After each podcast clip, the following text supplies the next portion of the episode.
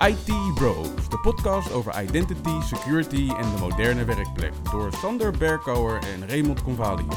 Wekelijks praten we hierbij over de laatste ontwikkelingen en ontmoeten we interessante gasten. Volg onze podcast op Spotify of iTunes en stel je vragen op Twitter, ITBrosNL. Ik ben Raymond Convalius. En mijn naam is Sander Berkouwer. Welkom bij aflevering 37 van de IT Bros podcast. De eerste halve minuut van deze podcast zit er alweer op. Dat was makkelijk. Met in deze aflevering het laatste nieuws, de evenementen voor de aankomende week en een productiviteitstip van Ray.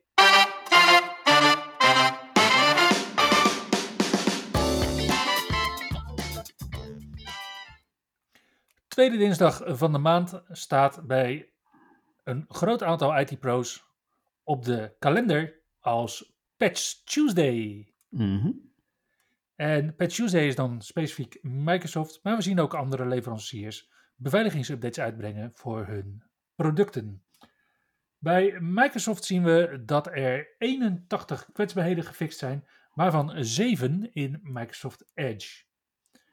Van de resterende 74 zien we dan drie kritieke updates 70 belangrijke updates en één update met een laag urgentieniveau. Van die 74 zijn er ook vier zero-day kwetsbaarheden, waarvan er één al actief wordt aangevallen volgens Kaspersky. Dat is namelijk CVE 2021 40449 en dat is een Windows 32 kernel probleem, wat kan leiden tot een elevation of privilege. Dat is uh, een van de 21 Elevation of Privilege Escalations Vulnerabilities, moet ik zeggen, die uh, deze Patch Tuesday worden gepatcht. En uh, ja, daarnaast hebben ze nog de nodige andere problemen opgelost. Zo zie ik hier staan zes Security Feature Bypass Vulnerabilities, 20 Remote Code Execution Vulnerabilities, 13 Information Disclosure Vulnerabilities, 5 Denial of Service Vulnerabilities en 9 Spoofing Vulnerabilities. En Sander, zitten hier ook nog identity patches tussen? Ja, deze maand is het weer raak. Ja, ik zag drie Active Directory gerelateerde updates. Uh, waarvan één dan voor DNS. En dat is één van die zero day uh, lekken. Dus dat is wel een, uh, een interessante. En ik zag drie updates voor ADFS en HTTP.sys.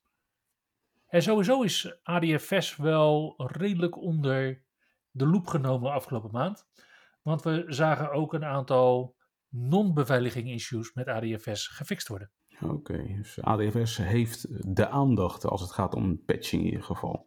Oh, zeker. Zeker. Ja, het is natuurlijk een van de weinige identity gerelateerde Windows server rollen die echt open staat naar het internet.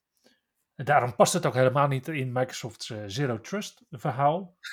Maar ja, het betekent wel dat het flink geüpdate uh, moet blijven worden. Je kan hem niet uh, even neerzetten en dan laten draaien. Dat is echt vragen om problemen. Oké. Okay. Nou ja, deze Patch Tuesday van oktober was uh, de eerste officiële update voor Windows 11 na de release. Eigenlijk één week na release. -huh. En het was de tweede update voor Windows Server 2022. Ja, en dat vind ik dus ook wel interessant, want mocht je nu dus denken van nou, ik ga lekker upgraden naar Windows Server 2022. Nou, toevallig met deze Patch Tuesday is ook een issue gefixt in Windows Server 2019. Je weet wel, dat is dat besturingssysteem wat in oktober 2019 werd uitgebracht, toen werd teruggetrokken en toen in januari wel werd uitgebracht. Nou, dat besturingssysteem, daar zit, zat dus blijkbaar een, uh, een issue in, waar na het in-place upgraden je duplicaten kreeg van de ingebouwde guest en administrator accounts. Oei. Maar alleen als je die accounts ook in een eerder stadium, dus op het lagere versie, dus in de lagere Windows versie, ooit had hernoemd. Nou, daar hebben ze nu al een fix voor. Zo, oké. Okay. En die is uh, deze week dus ook uh, uitgerold op allerlei uh, Windows Server 2019 systemen. Al dan niet geüpgrade. Oké, okay, nou, spannend denk ik. Ik bedoel, je zal dus maar, oh jeetje, dan zit je met zo'n systeem met allemaal uh, dubbele administrator en guest accounts. Nou ja. ja. nou ja, je ziet het niet, want die, uh, die local users en groups MMC, die doet het dus niet, die laat helemaal niks zien. Oh, oké. Okay. Dus je ziet het zelf niet, je hebt er zelf geen last van. Nou, ik kan toch net user doen of zoiets dergelijks om ze te zien. Tuurlijk. Tuurlijk, jij wel. nou, ik zei het al even. Patch Tuesday is natuurlijk uh, vanuit Microsoft. We zien ook drie kwetsbaarheden in VMware Re-Realized Operations worden gefixt. We zien zes updates voor producten uit de stal van Adobe. De oktober-update voor Android, die adresseert 41 kwetsbaarheden, waarvan drie kritiek. Apple heeft iOS en iPadOS 15.0.2 uitgebracht. En daarin hebben ze een issue geadresseerd, eh, zonder dat ze er eigenlijk Dennis Tokarev voor hebben benoemd. En die is nu een beetje ja, over de vlos, zeg maar. Cisco heeft een uh, hele reeks kwetsbaarheden in hun producten opgelost. En ook SAP. Ja, dus voor de mensen die denken van ja, dat SAP, dat noem je dus SAP. Nee, nee, nee, nee. SAP is een klein Duits biggetje. SAP is een Duitse firma voor ERP-software. Nou, die SAP, die heeft dus ook zijn security patch day voor oktober 2021 uh, uitgebracht. En er zitten ook allemaal updates in. Oké. Behalve Patch Tuesday was het ook weer tijd voor een nieuwe versie van de Windows 11 Insider Developer Build. Tijd, tijd voor een nieuwe flight. Inderdaad, build nummer 22478 kwam uit. Hè? En eh, die kwam uit zowaar met wat, uh, wat nieuwigheden. Om te beginnen kregen we een set nieuwe desktop backgrounds meegeleverd. Wow. ja, dit, indrukwekkend. Dit is uh, even, zeg maar, ter gelegenheid van een feestje. Het Insider-programma bestaat zeven jaar. Dus ter gelegenheid okay. daarvan nieuwe backgrounds voor Windows 11 dus. Echte, echte collector items. Ja. En als je het dan toch hebt over collector items. We krijgen nieuwe emojis in Windows 11. De fluent emojis worden geïntroduceerd in deze build. Dus uh, dat is een nieuwigheidje. En uh, andere nieuwigheden, en dat wordt wel interessanter denk ik. Uh, Microsoft start met het testen van de update stack packages. Dus de update stack, die wordt tegenwoordig nog geüpdate zeg maar, met Windows Update. Die willen ze kunnen updaten buiten Windows Update om. Dus daar we okay. testen om te kijken of ze de update stack kunnen updaten buiten Windows Update om. Daarnaast zitten er ook nog andere nieuwe functionaliteiten in, namelijk je kan nu inloggen met je Face ID met een gesloten laptop. Als je een externe camera hebt aangesloten. Ja, ik, ik wou net zeggen, want ik, ik ken wel mensen waarvan wordt gezegd dat ze een blote billen gezicht hebben. Ik noem geen namen, maar um, dat is het dus niet. Je kan dus niet inderdaad op je, op je, op je laptop gaan zitten en dan... Nee, hè? Nee. nee. A dirty mind is a joy forever. Oké, okay, ja. ja. Ja, inderdaad. Nee, maar het is dus zo dat uh, voorheen kon je met Windows Hello niet inloggen als je je laptop had dichtgeklapt en je een externe uh, Face ID camera of Windows Hello camera had aangesloten. Ja, en dat is natuurlijk vervelend voor al die mensen die een docking station hebben. Precies. We gaan allemaal terug naar kantoor waar we docking stations hebben. Dus ja, ik vind het een goede fix in de insider beeld tot nu toe. Ja, inderdaad. Dus uh, nieuwe functionaliteit, inloggen met Windows Hello met een gesloten laptop ja, als klein bier, zeg maar, kan je nu ook met je scrollwiel het volume wijzigen in Windows 11. Daarnaast hebben ze de indexer voor het zoeken in hele grote mailboxen geoptimaliseerd. Want blijkbaar ging er iets niet helemaal goed als je hele grote mailboxen gebruikte in Windows 11. Niet alleen bij hele grote mailboxen hoor. Ook gewoon als je wil printen. Dat is inderdaad een van de andere dingen die er wordt gemeld. De, er zijn wat nieuwe printproblemen. En uh, ja, als ik een nieuwsartikel lees van Bleeping Computer gaat het over Windows 11. Maar als ik dan vervolgens doorlees gaat het ook over Windows 10 en Windows Server 2022 onder andere. Die uh, problemen hebben met het installeren van printerdrivers voor printers die over HTTP-verbindingen met een printserver gaan printen. Daarnaast zie je de problemen met de printers die gebruik maken van het uh, Internet uh, Printing Protocol. Dit probleem speelt trouwens alleen bij het vol, volautomatische installatie van printerdrivers. Hè. Dus uh, ze, geven ook aan als workaround van installeer je printerdrivers door de, de, de packaged printerdrivers te installeren vanuit een, package location. En dan is er niks aan de hand. Oh, wauw. Dus ik wou eigenlijk Microsoft complementeren met de consistentie in het omzetten van organisaties naar papierloze organisaties. Weet je wel, waarom zou zo'n nieuwe geïntroduceerde Windows 11 het wel toestaan dat je kunt printen? Dus ik, weet je, ik vind het echt wel goed dat ze dat dan doen. Maar ja, weet je, ik kan nu niet zeggen dat ik dit heel toekomstgericht vind. Als ze eigenlijk ook aan de andere kant zeggen: ga vooral terug naar het sneakernet van 1993 Mhm. om printerdrijvers te installeren. Raar verhaal, dit Ray. Ja, maar goed, als je kijkt naar dat hele Print Nightmare verhaal, dat gaat dus helemaal over het automatische installeren van printerdrijvers. En het lijkt erop dat dat hele verhaal gewoon keihard stuk is. Ja, gewoon niet goed mogelijk doordacht zoveel jaar geleden voor de huidige omstandigheden. Ja, inderdaad. Nou, Mark Ruzinovic riep vorige week al dat eh, wellicht de mooiste nieuwe feature in Windows 11 is Windows Subsystem voor Linux. En ja, afgelopen week werd ook wel duidelijk dat Microsoft eh, duidelijk bezig is om dat goed op de kaart te zetten door Windows Subsystem voor Linux, de nieuwe versie die in preview is, nu ook beschikbaar te stellen in de Microsoft Store. En gelijk mee te geven dat dat eigenlijk de way to go is voor Windows Subsystem voor Linux. Want vanuit de Microsoft Store kunnen ze vaker updaten. En dus buiten Windows Update om zorgen dat dit up-to-date blijft. Die Windows Subsystem voor Linux gooit trouwens hoge ogen als het gaat om de, de Linux-adepten onder ons. Want nu heb je ook de Windows Subsystem voor Linux eh, Graphics Component meegeleverd. Yep. Waarmee je dus grafische applicaties in Linux kan draaien op je Windows 11 machine.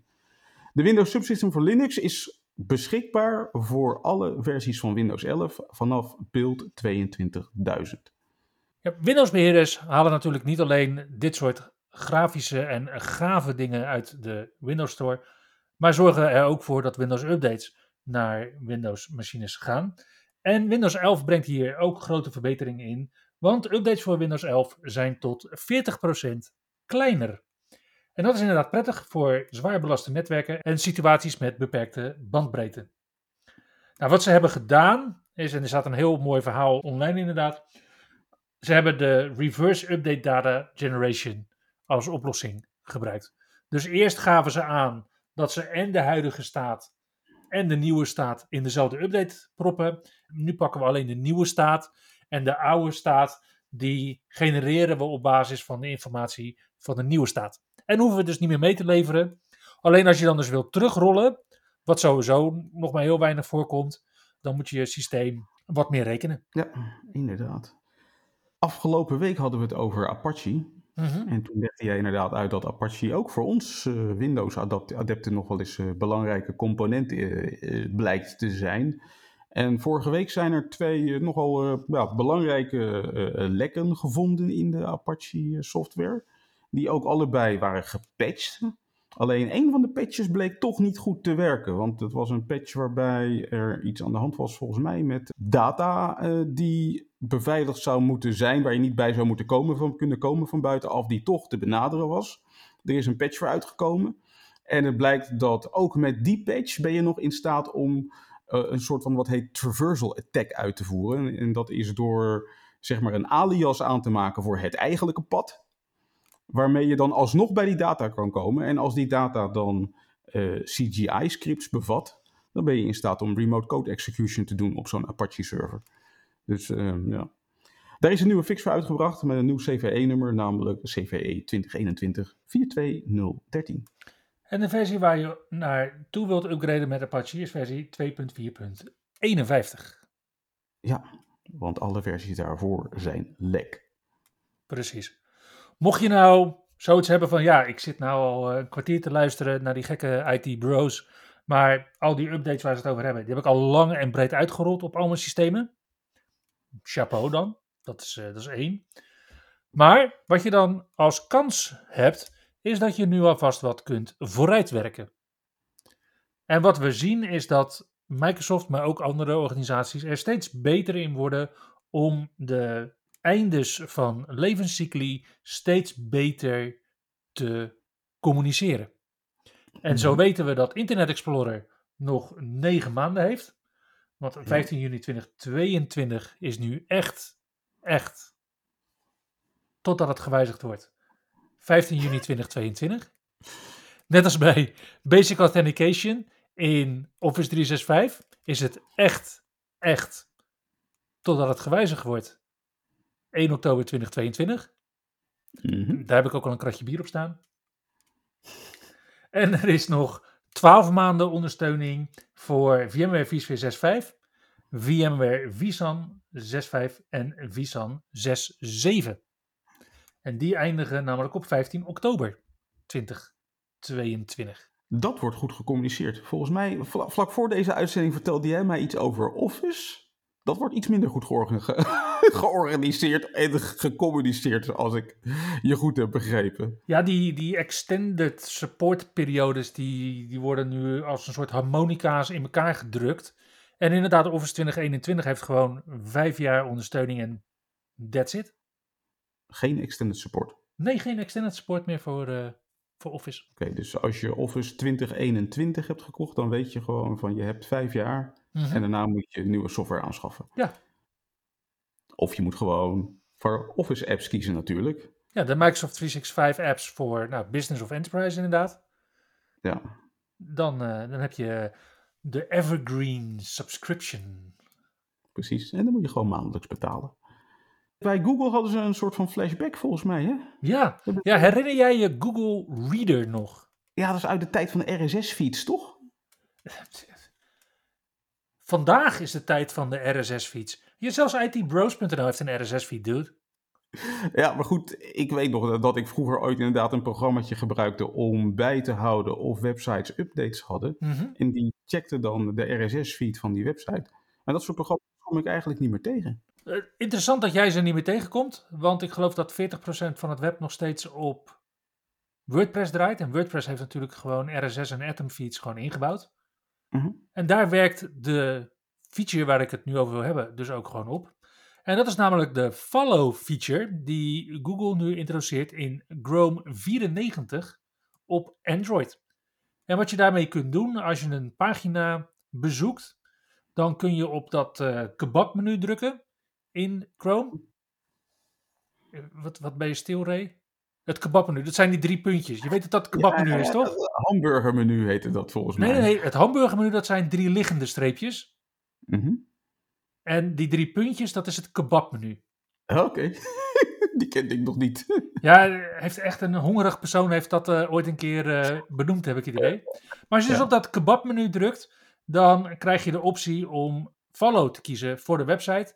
En wat je dan dus krijgt, is dat je updates voor dat soort webpagina's in een nieuw tab voorgeschoteld krijgt wanneer er updates zijn. Ja, ik had ik, heel vroeger, zeg maar, toen, zeg maar die periode dat ik eh, RSS-feeds ontdekte, Toen je nog blogde, bedoel je?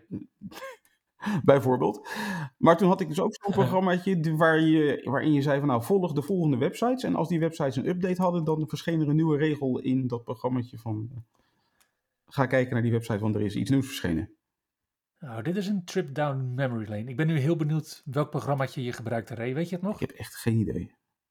Ja, ik weet nog dat ik Feedreader gebruikte en dat ik zelfs nog eh, mijn database, zeg maar, die had ik dan publiek op een, op een URL staan, Mhm. op mijn eigen website, zodat ik Feedreader inderdaad op meerdere apparaten kon gebruiken om overal de feed te lezen. Ja, precies. En maar ja, Google Reader, dit, dit, dit- ja, de follow feature. En, en ja.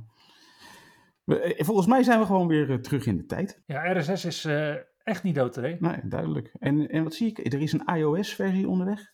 Ja, ja, dus ze zeggen inderdaad dat het, het werkt nu alleen op Chrome 94 in Android. Mhm.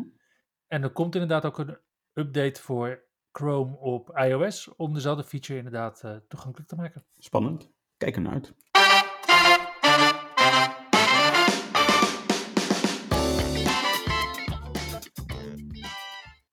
Mocht je met je Android-toestel op zak nog wat leuke evenementen willen bezoeken of op je Android-toestel evenementen willen meekijken, dan is er volgende week weer voldoende mogelijkheid. Mhm. Het begint eigenlijk al op 18 oktober, dat is maandag om 5 uur 's middags, dat noemen ze dan 8 uur 's ochtends in, eh, in de Pacific Time Zone. Dan is er een webinar over SAP, we hadden het er al eerder over, vanuit eh, Microsoft, waarbij ze aangeven hoe je SAP kunt monitoren met Azure Sentinel. En dat is een webinar dat wordt gepresenteerd door Takayuki Hashino, Kobi Mimon, Naomi Christis en Sarah Young. Op 19 oktober gaat uh, Microsoft uh, stug door met de 2021 Fall Security Series. En wel met een sessie Azure Defender for IoT, Agent-Based Solutions for IoT Devices. Gepresenteerd door Anat Zenou en Chris Hellum. Ons maatje Chris Hellum. Inderdaad, tijd niet gehoord. Ja, die, uh, die leeft ook nog.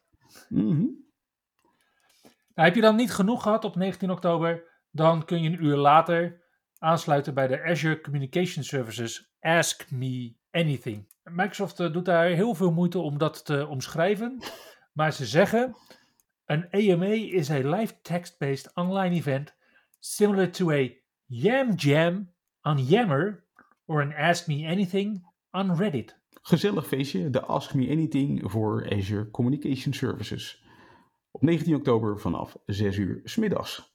Op 20 oktober is het tijd weer voor de Full Security Series van Microsoft. En dit keer gaat het over Azure Security Center, What's New in the Last Six Months. Gepresenteerd door Stanislav Belov, Bojan Magusic en Lian Tomescu. Ja, en ben jij meer van de multicloud of polycloud? Dan kun je op 20 oktober ook aansluiten bij de Pulumi Cloud Engineering Summit.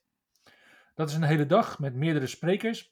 Het is een virtuele dag voor cloud practitioners die focussen op het bouwen en het uitrollen en het beheren van moderne cloud-infrastructuur. Op donderdag 21 oktober hebben we dan ook weer een oude bekende uit de Microsoft-stal van evenementen. En dat is Microsoft Create. En deze keer staat dit evenement in het teken van DevOps.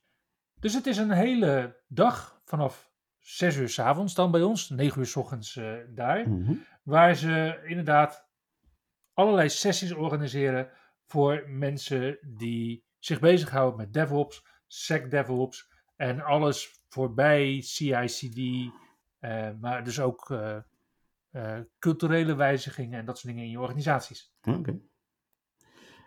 Op dezelfde donderdag 21 oktober, als je niet van plan bent om de hele dag je bezig te gaan houden met DevOps, kan je ook leuke dingen weer gaan doen met de Full Security Series. En dit keer gaat Raja Dikonda samen met Will Pierce het vanaf 5 uur s middags hebben over hacking AI. En uh, wat ik me heb laten vertellen over deze sessie is dat je gaat leren hoe je AI-systemen voor de gek kan houden. En uh, ja, en hoe je, er, hoe je dus kan manipuleren met AI-systemen, zodat er wellicht verkeerde uitkomsten uitkomen, zodat die systemen juist weer beter kunnen worden. Ja, gave sessie. Het is alleen jammer dat die moet concurreren met een sessie van de Belgische AZUG, waar Henry Been een sessie presenteert over BICEP, Infrastructure as Code for Azure Reinvented. Maar gelukkig, wat je ook kunt doen op 21 oktober vanaf half zeven s'avonds, dus dan hebben we het echt al een stukje later. Mhm. Dus als je niet kan kiezen tussen die twee, nou, kies dan in ieder geval voor de MC2MC community uit België. Want zij hebben een hele avond voor je in petto, waarbij ze van half acht tot kwart over acht het hebben over Intune for Enterprises met Tim Hermy. Barbara Forbes presenteert van half negen tot kwart over negen over GitHub Copilot en PowerShell. Nice. David O'Brien trekt het uh, doek van zijn eigen SaaS-startup voor cloud security. En van 10 tot 11 kun je vervolgens met Bring Your Own Beer lekker sociaal doen met alle andere deelnemers en de organisatie. Gezellig een virtueel biertje drinken met MC to MC in België. Om dan vrijdag lekker uit te brakken op kantoor.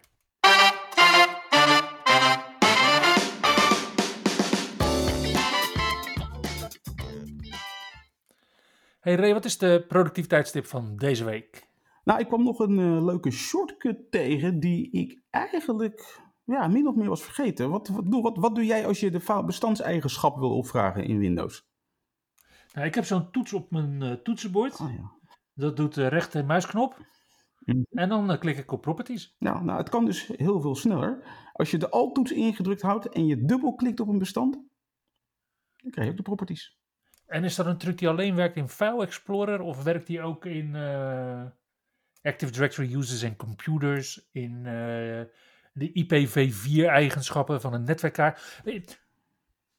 Hoe ver moet je klikken om überhaupt de, DNS-server op je netwerkkaart te veranderen? Ik heb het dus laatst bekeken. Als je dus telkens dubbel klikt, rechtermuisknop klikt properties, dus telkens twee klikken, je bent gewoon 18 kliks verder, hè? Oh.